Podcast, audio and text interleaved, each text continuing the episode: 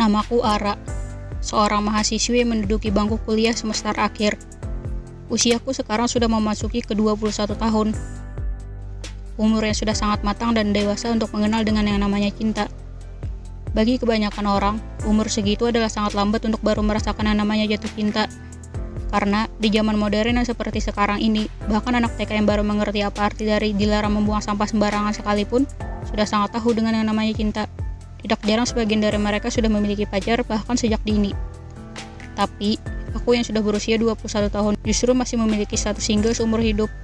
Ya, aku tidak pernah memiliki seseorang yang spesial dalam hidupku.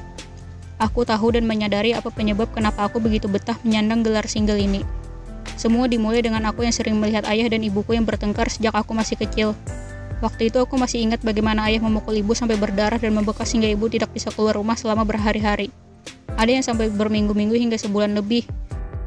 Saking parahnya ayah menyiksa.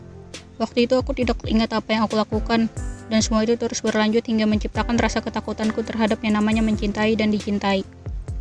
Ya, hal itu tidak membuatku lantas membenci dengan yang namanya laki-laki. Justru aku ketakutan pada rasa cinta yang mereka tunjukkan kepadaku.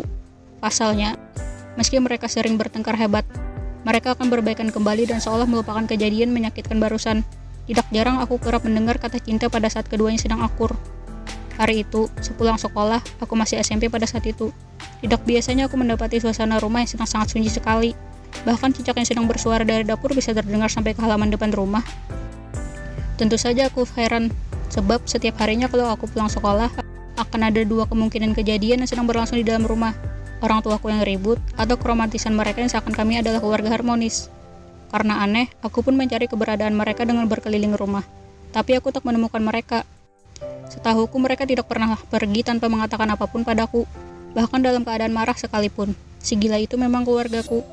Sampai malam tiba, aku tidak mendapati dengan kepulangan mereka. Saat ku telepon pun keduanya tak mengangkat. Aku pun mulai menikmati kesendirian yang tenang dan damai serta normal di dalam rumah. Hingga hari pun berganti menjadi seminggu. Orang tuaku tak pernah kembali juga. Karena hari itu aku sedang libur, Aku berencana untuk membersihkan rumah dari pecahan beling dan darah kering akibat dari perbuatan kedua orang tuaku.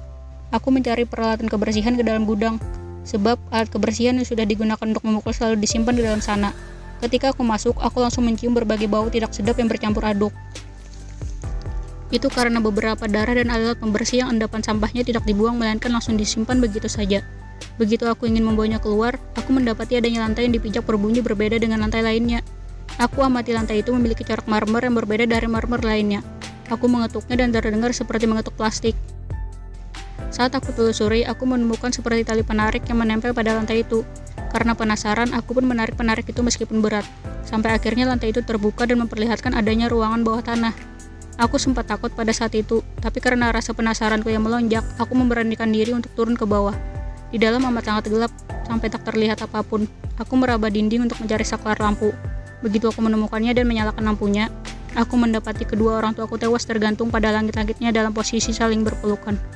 Mewujudkannya lagi, mereka berdua memakai pakaian pengantin.